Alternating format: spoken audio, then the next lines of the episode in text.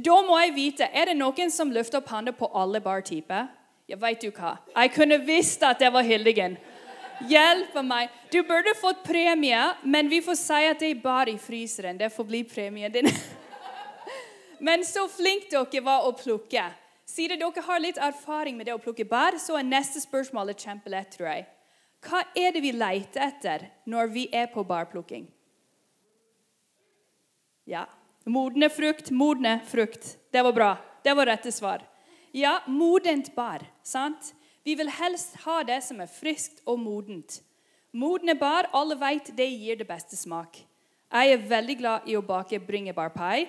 Det har jeg baket nesten litt for masse i sommer. Og når jeg baker den, så bruker jeg bare de saftigste, mest modne bar, Fordi jeg vil ha god smak på den pai. Og om bare umodne, så er det surt og bitter, og vi ikke vil ha den smaken. Så når vi står der i timevis og plukker, da sorterer vi hele tida mellom det som er modent, og det som er umoden. Det som er heil, og det som er ødelagt. Ja. Visste du at Gud også ønsker modne frukt fra oss? Det gjør han. Eh, Jesus sier i Johannes 15 at for ved dette blir min far æret, at dere bare mye frukt og blir mine disipler. En moden tro, den produserer frukter. Men hva frukter er det Gud vil ha fra oss, tror du? Det er ikke rips og solbær og sånt. Nei? Er det noen som veit? Ja? Jo, åndens frukt. Det var noe bra. Det er åndens frukt, og det leser vi om i Galaterbrevet 5.22. Ja. Åndens frukt, nå skal jeg lese det for dere, det er kjærlighet, glede, fred, overbarenhet, vennlighet, godhet, trofasthet, ydmykhet og sjølbeherskelse, eller selvkontroll. Disse er fine frukter, og det er sånn gode ord som du får positiv følelse når du snakker om. Men hvordan ser sånne frukter ut i mitt og ditt liv? Hvordan kan det se ut og modnes i åndens frukt? Du og meg vi lever veldig forskjellige liv. Det tror jeg.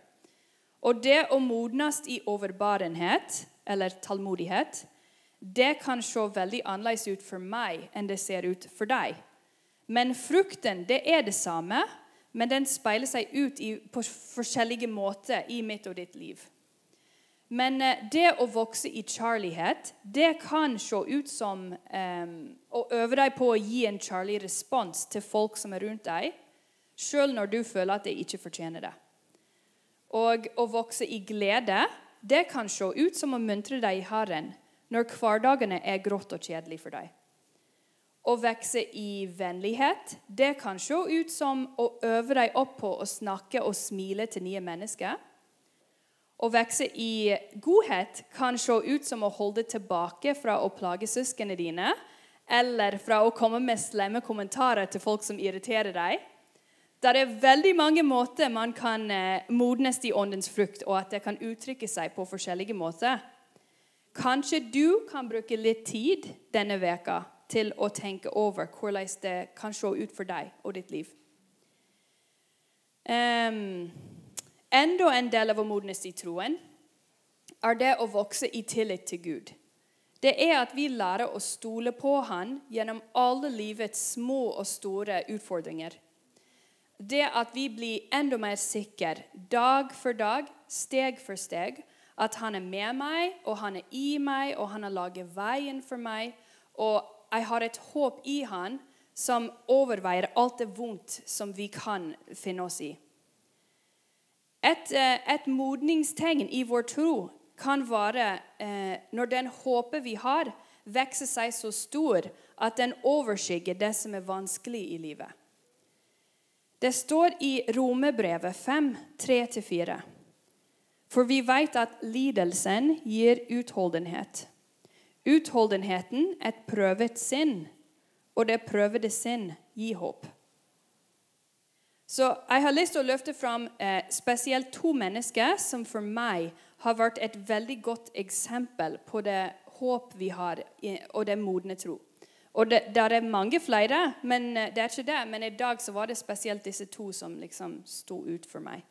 Og det er hun eh, Nore Sjåstad og Gunhild Solheim. Som er, De jeg har i dag, begge to, heldigvis. Og Begge disse damene har hatt eh, store helseutfordringer den siste tida. Og jeg skal ikke legge ut om alt eh, de har vært gjennom, men de har gått gjennom sykdommer som jeg hadde vært veldig redd å måtte stå i. for å si det sånn. Um, og du kunne tro at folk som hadde det tøft på den måten, hadde mer enn nok med seg sjøl og ble tungsint og deppa i møte med andre. Men det, det er det ikke. Eh, Nora hun er alltid klar med et Guds ord og en stor smil og oppmuntring til alle rundt seg. Det har jeg merka. Helt overraska. Og, og Gunhild husker jeg en spesielt episode. Da hadde jeg nettopp hørt at hun hadde hatt det veldig tøft, og hun hadde vært fram og tilbake til lege. Og Da traff vi hun tilfeldigvis i Coop i Selje. Og Før jeg møtte blikket hennes, så trodde jeg at kanskje hun skal være litt sånn deppa og lei seg. Fordi jeg hadde vært det hvis jeg hadde hatt det sånn. Men hun møtte blikket mitt med en gang med en stor smil. Og jeg sa, 'Oi, ja, men uh, har ikke du vært dårlig i det siste?' Å jo da, hun hadde, hun hadde vært dårlig. Men hun begynte bare å takke Gud for alt som hadde gått bra, og alle de bønnesvar hun hadde fått og for hans trofasthet oppi det hun sto i. Og det virkelig eh, ja, lagde inntrykk på meg da. Måten Nora og Gunhild har møtt motstand på, har gjort at jeg er blitt oppmuntret i troen min. Og jeg sier ikke at man må alltid virke positiv og blid, eh, selv om livet er vanskelig. Fordi at eh, Jeg tror det er en tid for alt. Og det står i Bibelen at vi skal sørge med de som sørger. Det skal vi gjøre. Men det gjør veldig godt å kjenne mennesker som du merker renner over av håp i Jesus. Eh, særlig når det har vært prøvd. Um, og det å modnes i tro, det behager Gud, og det gir han ære. Men det kan også være med å oppmuntre andre som er rundt deg, til å fortsette i troen sin og holde ut. Ja, så Nå har vi snakket litt om hva Bibelen sier om modenhet. Og vi har tatt noen få eksempel på hvordan det ser ut. Eh, men eh, hvordan får vi det til, da? Det er spørsmålet. Hvordan får vi det til?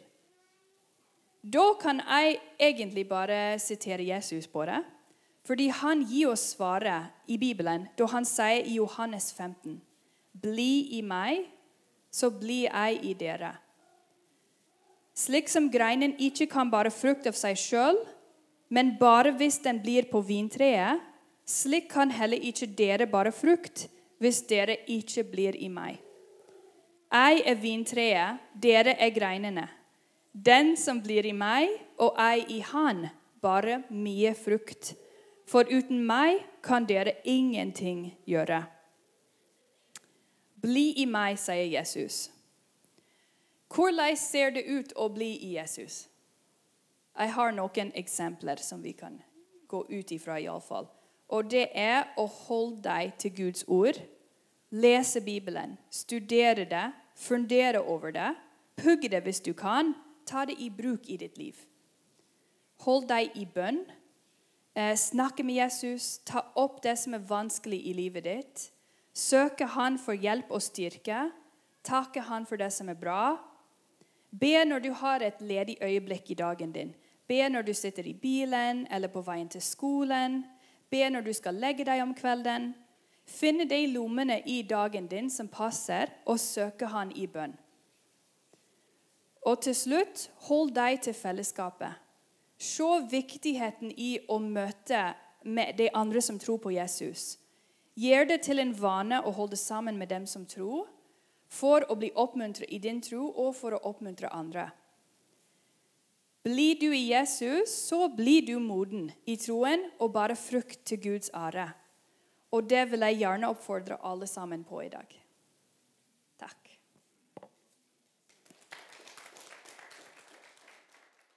Takk for at du hørte på. Har du spørsmål eller ønsker å koble deg på kirka, ta kontakt på mail eller gjennom vår nettside. Håper du vil høre på neste uke også, eller at vi sees på gudstjenesten.